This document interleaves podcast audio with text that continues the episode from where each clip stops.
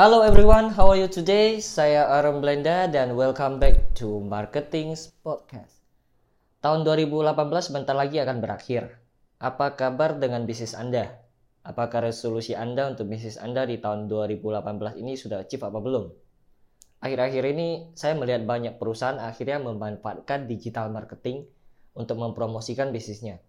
Mereka menghabiskan waktu dengan pelanggan mereka secara online, memberikan apa yang dibutuhkan pelanggan mereka mereka juga melakukan penawaran melalui website, blog, email, sosial media, dan platform-platform lainnya. Semua itu dilakukan untuk meningkatkan penjualan mereka tentunya. Nah, di episode podcast kali ini saya akan share tentang bagaimana digital marketing akan merubah bisnis Anda dan kita semua di tahun 2019. Apa yang baru di tahun 2019, oke? Okay? Nah, baru-baru ini saya membaca artikel perusahaan retail konvensional banyak yang gulung tikar. Apa sih penyebabnya? Apakah karena semua itu sudah beralih ke digital marketing? Lalu apakah kita sebagai pebisnis itu harus takut? Well, memang dengan adanya teknologi digital marketing bisa jadi salah satu cara untuk mengembangkan perusahaan retail konvensional menjadi lebih menghasilkan. Bukan berarti saya bilang konvensional itu gak menentukan no, ya tapi dengan semua teknologi yang ada saat ini kenapa enggak gitu loh. Ya, Anda bisa manfaatkan uh, digital marketing menjadi bisnis online untuk menambah pundi-pundi rupiah Anda. Bagi Anda yang sudah menitis bisnis online gimana? Grow your business ya dan gimana sih caranya membuat bisnis Anda bi biar lebih berkembang dan apa aja yang harus Anda lakukan untuk mengembangkan uh, bisnis Anda dan akhirnya berhasil. For information, digital marketing akan berubah di tahun 2019. Kenapa saya katakan demikian? Karena akan banyak hal-hal baru, tren-tren baru dari digital marketing yang bisa Anda lakukan untuk mengembangkan bisnis Anda. Saya akan berikan contohnya. Kalau dulu Facebook misalkan, ya mereka berkembang dengan cara uh, saya membuat akun Facebook, kemudian menginvite teman-teman saya baik dari kontak secara otomatis maupun secara manual, bahkan tanpa izin orang bersangkutan. Dan Facebook menjadi berkembang pesat dengan berbagai akun dari orang-orang di seluruh dunia. It works, Oke, okay, waktu itu. Tapi di zaman sekarang cara itu udah kurang maksimal. So, saya akan berikan beberapa tips untuk Anda yang ingin mengembangkan bisnis Anda atau mungkin Anda sedang membangun bisnis Anda fully lewat digital marketing. Tips-tips ini bisa Anda praktekin untuk mengembangkan dan memaksimalkan bisnis Anda di tahun 2019 nanti. Bahkan sekarang pun bisa setelah Anda mendengarkan podcast saya dan langsung praktek. Oke, okay? saya akan bahas satu persatu. Tips nomor satu, digital marketing bergerak ke pendekatan omnichannel. Kenapa? Karena digital marketing sekarang memanfaatkan banyak channel dan teknik marketing dari mulai pay per click yang didapatkan dari Facebook Ads, banner ads, sosial media, SEO, content marketing dan lain-lain sebagainya. Semakin banyak channel is gonna better for your business. Ya. Lalu apa sih omni channel? Omni channel itu adalah salah satu model bisnis yang memanfaatkan uh, banyak channel untuk menciptakan pengalaman pelanggan secara efektif dan konsisten. Kata kuncinya pengalaman pelanggan. Oke, okay, customer journey. Ya, omnichannel berfokus pada customer journey, uh, membangun komitmen dengan pelanggan-pelanggan Anda dan lebih mem memperhatikan kepuasan pelanggan saat berbelanja melalui online maupun offline. Ya, online maupun offline. Apa yang harus Anda lakukan agar omnichannel ini ber berjalan untuk bisnis Anda? Well, pertama, Anda tentunya harus pahami dulu customer journey. Pahami kebiasaan pelanggan Anda dari awal sampai akhir termasuk kebiasaan belanja mereka secara online maupun offline. Anda juga harus mengerti apa yang dibutuhkan customer Anda, kapan mereka mulai melihat produk Anda, dan uh, apa yang bisa Anda tawarkan kepada pelanggan selain produk Anda sendiri. Ya, ini berkaitan dengan kepuasan pelanggan pada saat mereka berbelanja pada semua channel bisnis Anda. Jadi channel bisnis yang saya maksud di sini bisa itu berupa website, bisa berupa blog, email, sosial media, dan lain sebagainya.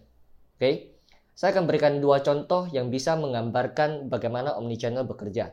Contoh pertama, ketika saya nonton televisi dan muncul iklan smartphone dengan kamera yang super canggih, saya pun tertarik dan mulai browsing review dari smartphone tersebut via online. Jadi saya checking dulu reviewnya dari online, dari website-website yang lain. Dan saya mendapatkan ulasan yang bagus, membuat saya lebih tertarik dengan smartphone tersebut. Oke, okay? Lalu saya datang ke toko offline ya yang menjual smartphone tersebut untuk melihat detail produknya. Sampai akhirnya saya putuskan untuk membeli produk tersebut. Yang saya lakukan selanjutnya adalah mencari produk tersebut di e-commerce karena biasanya harganya lebih murah. lalu membelinya. Nah, saya pun tinggal duduk manis menunggu pesanan sampai di tangan saya. Dalam kasus ini, channel-channelnya itu adalah TV, kemudian toko offline, kemudian juga toko online. Oke, saya kasih contoh kedua. Ketika saya sedang membaca sebuah artikel misalkan, tiba-tiba ada pop-up iklan sepatu sport. Saya langsung tertarik karena memang sedang mencari sepatu tersebut, lalu saya mulai browsing di media sosial yang kemudian diarahkan ke link website yang mengulas produk tersebut lebih dalam. Setelah melakukan perbandingan demi perbandingan, saya merasa membelinya langsung di pasar adalah keputusan terbaik. Jadi saya datang langsung ke toko sepatu tersebut dan langsung beli. That is omnichannel bahwa semua customer journey itu tidak terlepas dari channel online maupun offline. Pelanggan akan selalu berpindah channel, ya tergantung selera dan kepuasan yang mereka rasakan saat berbelanja. Jadi nggak ada istilah online menggantikan offline, justru keduanya bisa saling beriringan untuk menumbuhkan brand komitmen di pelanggan. Maksudnya adalah bagaimana menumbuhkan dedikasi pelanggan terhadap bisnis Anda, sehingga pelanggan tetap setia dan terus berhubungan baik dengan bisnis Anda. For example, ketika saya adalah seorang pelanggan yang sudah menyukai dan nyaman dengan brand Apple, ya, maka ketika brand tersebut mengeluarkan versi terbaru, mengeluarkan iPhone terbaru, mengeluarkan iPad terbaru, saya pasti akan membelinya secara offline maupun online.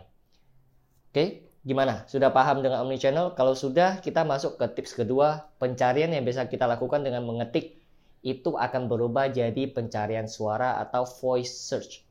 Kemarin saya baca di Comscore, website yang mengevaluasi seluruh platform media, memprediksi kalau di tahun 2020, 50% pencarian Google akan berubah menjadi pencarian suara. So, jika saya katakan dari 1 sampai 10 orang, mungkin hanya 5 orang yang melakukan pencarian suara saat ini. Apakah Anda saat ini sudah menggunakan voice search? Kalau belum, Anda bisa mencobanya. So, apakah voice search akan bekerja dengan baik untuk bisnis Anda atau tidak? Saya akan berikan ulasannya, oke? Okay? Voice search memang membantu orang untuk melakukan pencarian karena kita hanya tinggal speak, kita hanya tinggal ngomong, dan Google akan mencarikannya untuk Anda. Tetapi bagaimana bisnis Anda akan ditemukan jika menggunakan voice search? Nah, SEO bisa berperan penting di sini. Tetapi yang lebih penting adalah tingkatkan voice search untuk bisnis Anda. Caranya, pertama, Anda make sure bahwa website Anda, website bisnis Anda adalah HTTPS, karena kebanyakan situs yang ada dalam pencarian Google menggunakan HTTPS. Ya, kemudian Logfast uh, membuat lebih cepat, Anda harus meningkatkan konten-konten yang relevan dengan bisnis Anda dan upload ke website Anda dengan cepat. It helps to find your business. Oke. Okay? Kemudian langkah ketiga, tipikal orang yang selalu melakukan pencarian dan mengetik pertanyaan yang panjang dan yang Anda lakukan adalah buat jawaban singkat atas pencarian bisnis Anda. Oke, okay? make short and to the point answer. Ya, jadi anda bikin jawaban yang singkat untuk pertanyaan-pertanyaan yang sering ditanyakan oleh orang-orang sepanjang masa di Google.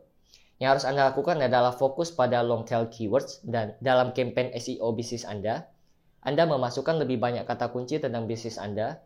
Kata kunci yang dimasukkan adalah kata kunci yang panjang yang mungkin akan dicari oleh pelanggan Anda. Contohnya, misalkan cara berjualan online di Instagram. Ketimbang Anda cuma uh, mengoptimalkan kata kunci cara jualan online. Oke. Okay? Dan jawabannya adalah bisnis Anda ya. Setelah Anda mengoptimalkan kata kunci long tail keyword cara berjualan online di Instagram, kemudian di dalam konten tersebut jawabannya itu adalah Anda mengarahkan ke bisnis Anda. Tujuannya tentu saja agar bisnis Anda lebih mudah ditemukan. Oke. Okay? Sekarang kita masuk ke tips nomor 3, CRO, Conversion Rate Optimization atau yang kita bahasa lain itu mengoptimalkan konversi ya. Apa itu CRO? CRO itu adalah metode untuk mengoptimasi tingkat konversi Anda. Saat ini pebisnis online membutuhkan iklan untuk mempromosikan bisnisnya. Tentu saja Anda harus merogoh kantong lebih dalam untuk iklan, karena iklan semakin hari semakin mahal. Ya, iklan semakin hari itu semakin mahal. That's gonna change. Ya, nggak mungkin iklan semakin hari semakin murah. Yang harus Anda lakukan adalah tetap bersaing dan tetap bertahan. Gimana Anda bisa survive? Bisa saja Anda ngiklan, tapi biayanya itu mahal dan kemungkinan tidak tepat sasaran dengan target pasar Anda. Namun di sini CRO menjadi penting karena sebenarnya apa pun desain atau performa website Anda dan seberapa bagus konten Anda, Anda perlu pengunjung yang lebih aktif dalam berinteraksi dengan website Anda. Karena iklan semakin mahal, tentu saja kita butuh banyak pengunjung untuk melihat iklan bisnis kita. So, yang harus Anda lakukan adalah mengoptimalkan halaman website Anda untuk mengkonversi jumlah pengunjung. Ya, saya ulangin lagi, yang harus Anda lakukan adalah mengoptimalkan halaman website Anda untuk mengkonversi jumlah pengunjung. Semakin banyak Anda mengkonversi traffic pada website Anda, maka semakin bagus pula untuk bisnis Anda. Tapi, jika Anda tidak mengoptimasi conversion rate Anda, kompetitor atau pesaing bisnis Anda akan mengeluarkan lebih banyak uang untuk iklan dan bisnis Anda akan ditenggelamkan oleh mereka. Paham? Nah, lalu bagaimana cara melakukan CRO agar bisnis Anda berkembang? Pertama, Anda harus tahu melakukan CRO itu tidak semudah membalikkan telapak tangan. Anda perlu konsisten, tetapi jangan cepat puas ketika Anda bisa melakukan CRO dengan baik. Upayakan setiap bulan melakukan survei kepada pengunjung Anda agar Anda tahu target Anda sudah sejauh mana. Ya. Nah, yang kedua, Anda tidak boleh mengabaikan yang namanya konten. Konten harus selalu relevan dengan apa yang bisnis Anda kerjakan Pengunjung web terkadang jeli, mereka akan melihat kualitas konten yang Anda berikan menarik atau tidak. Jadi pastikan Anda membuat konten yang menarik dan relevan, itu wajib. Dan yang terakhir, Anda bisa melakukan tweaking untuk pelitiran-pelitiran seperti elemen-elemen dalam landing page jika Anda ingin meningkatkan konversi landing page. Misalkan letak tombol city uh, call to action-nya itu harus di mana, kemudian warna tombol call to action-nya itu apa, headline-nya seperti apa dan lain-lain. Ya. Kalau selama ini jualannya via WhatsApp gimana? Sama saja pada dasarnya. Anda harus tingkatkan persentase closing dengan tweaking script-script yang dipakai oleh CS Anda misalkan. Atau Anda tweaking teknik closingnya, tweak promo, tweak harga, dan lain-lain. Oke, tips keempat adalah Anda harus memanfaatkan yang namanya funnel. Ya, saya tidak pernah bosan untuk terus mengingatkan Anda untuk memanfaatkan funnel untuk bisnis Anda. Oke, funnel itu bisa jadi tempat Anda untuk membagikan konten dan produk dari bisnis Anda. Dan yang perlu Anda pahami adalah dalam memanfaatkan marketing funnel adalah do more tactic seperti upsell, downsell, cross sell. Nah, saya akan jelaskan satu persatu. Upsell itu di mana kita menjual sebuah produk tapi meningkatkan harganya dengan menawarkan produk yang sama dengan kelebihan yang berbeda. Misalkan, ketika saya beli burger, just burger, oke, okay, di salah satu franchise kemudian pada saat memesan kasir akan menawarkan paket burger dengan minumannya sekaligus. Tentu saja harganya berbeda, harganya lebih besar dari apa yang seharusnya saya beli dan apa yang kasir itu lakukan adalah upsell. Ketika Anda menolak tawaran paket itu, kasir akan menawarkan produk yang lebih murah dari harga burger yang Anda beli. Dan itu adalah downsell. Oke, lalu untuk cross sell, teknik menjual, di mana Anda menawarkan produk A, tetapi juga bisa menawarkan produk-produk lainnya. Misalkan, saya membuka kelas tentang bisnis online, setelah kelas saya selesai, Ya, setelah kelas selesai saya menawarkan produk yang bisa membuat Anda membantu Anda untuk lebih cepat berhasil dalam bisnis online Anda. That is cross sell. Oke, okay? menawarkan produk lain selain produk yang sudah Anda tawarkan. Nah, semua itu dilakukan agar Anda tetap keep in touch dengan pelanggan Anda, membuat pelanggan Anda agar tetap membeli produk Anda. That's why funnel itu penting untuk bisnis Anda time to build your own funnel, Anda tidak bisa selamanya hanya menggunakan strategi iklan di Facebook ngarahin ke WhatsApp. Ya, karena dengan adanya funnel yang rapi, omset Anda bisa naik minimal dua kali lipat daripada biasanya. Trust me. Oke. Okay? Nah, tips nomor 5, content marketing. Misalnya Anda search tentang content marketing di Google, pasti akan ada banyak top artikel dengan konten yang sama. Apalagi blog yang sangat populer saat ini konten marketing yang Anda buat itu tidak akan mudah mendapatkan link atau share dari orang lain yang membaca. So, yang bisa saya sarankan adalah buatlah konten marketing dengan amazing information. Konten dengan informasi baru tentang marketing yang belum pernah orang lihat atau dengar sebelumnya. Tapi sebelumnya apa sih konten marketing? Nah, kalau konten marketing adalah strategi marketing dengan cara mendistribusikan konten berupa video, tulisan, gambar, atau blog yang menarik audiens yang tepat sasaran. Jadi konten itu tidak melulu hanya soal tulisan, tapi bisa berupa video, bisa berupa gambar, bisa berupa blog, dan lain-lain. Nah sekarang eh, kalau Anda sudah tahu konten marketing itu apa, saya akan bagikan tips membuat konten marketing yang baik. Ya, Yang pertama, buatlah konten yang menarik. Yang seperti apa? Yang menarik itu seperti apa? Konten yang tidak hanya mengandalkan satu genre saja itu yang menarik buat saya. Anda bisa mix antara video, gambar, ataupun tulisan.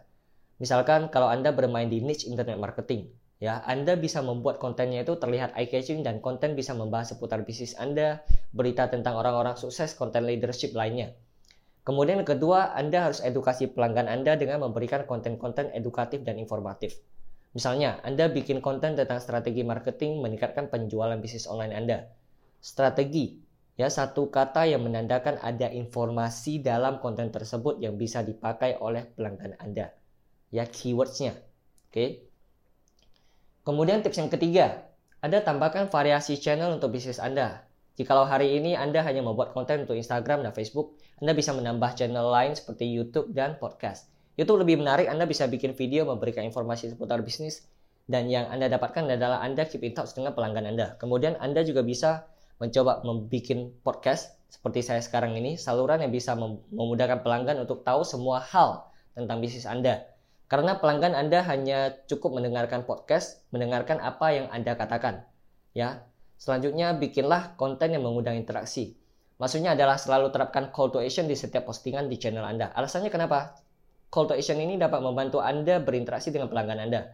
Nah, kemungkinan Anda akan mengetahui beberapa cerita menarik dari pelanggan yang sudah mengikuti bisnis Anda dan semua itu membuat Anda lebih dekat dengan mereka.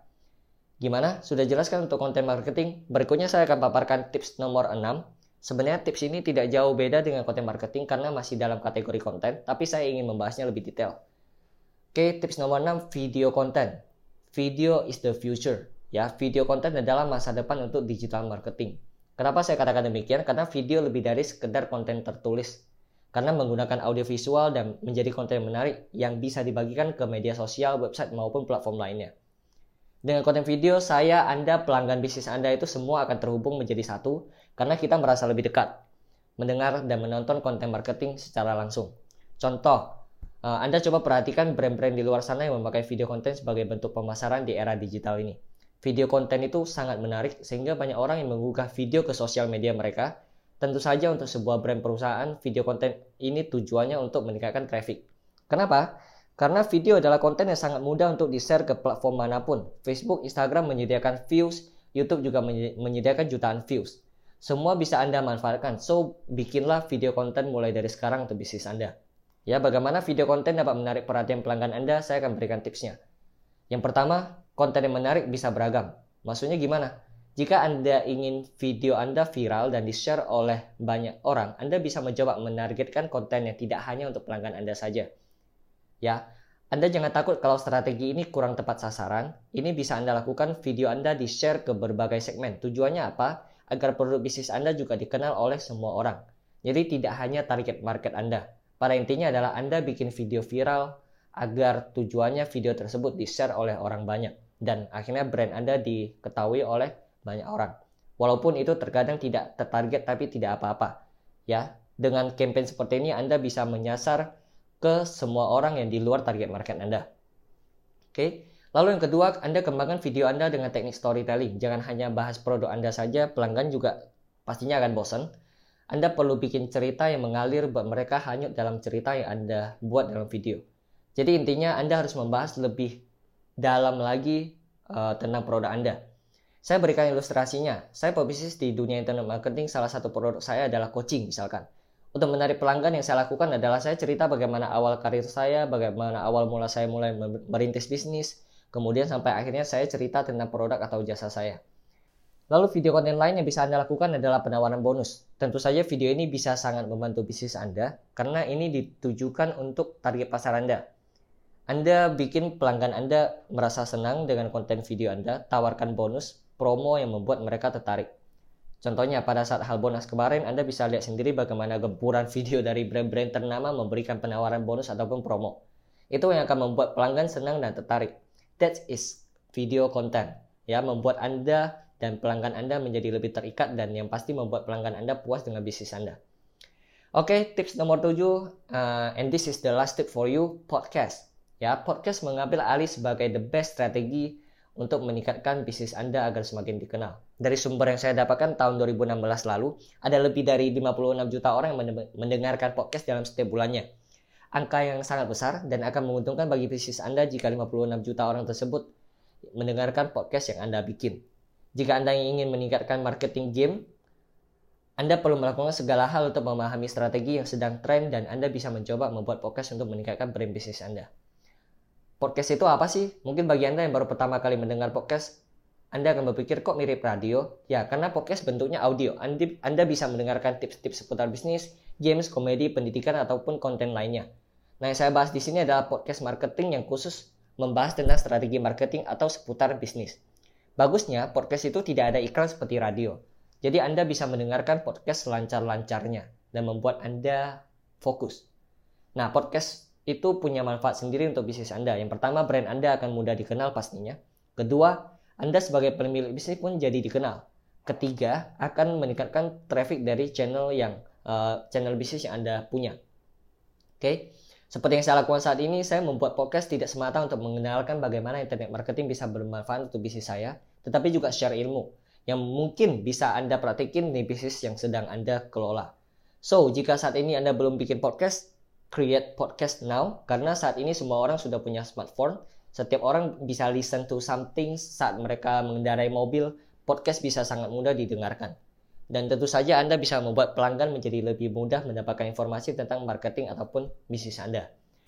Oke, itu tadi 7 tips yang bisa saya jelaskan panjang kali lebar dan semoga Anda tetap fokus mencerna informasinya dan yang terpenting adalah Anda harus memanfaatkan 7 tips ini untuk mengembangkan bisnis Anda di tahun 2019 dan hopefully goal-goal Anda tercapai. Saya akhiri podcast episode kali ini, see you in the next episode dan jangan lupa marketing hari ini.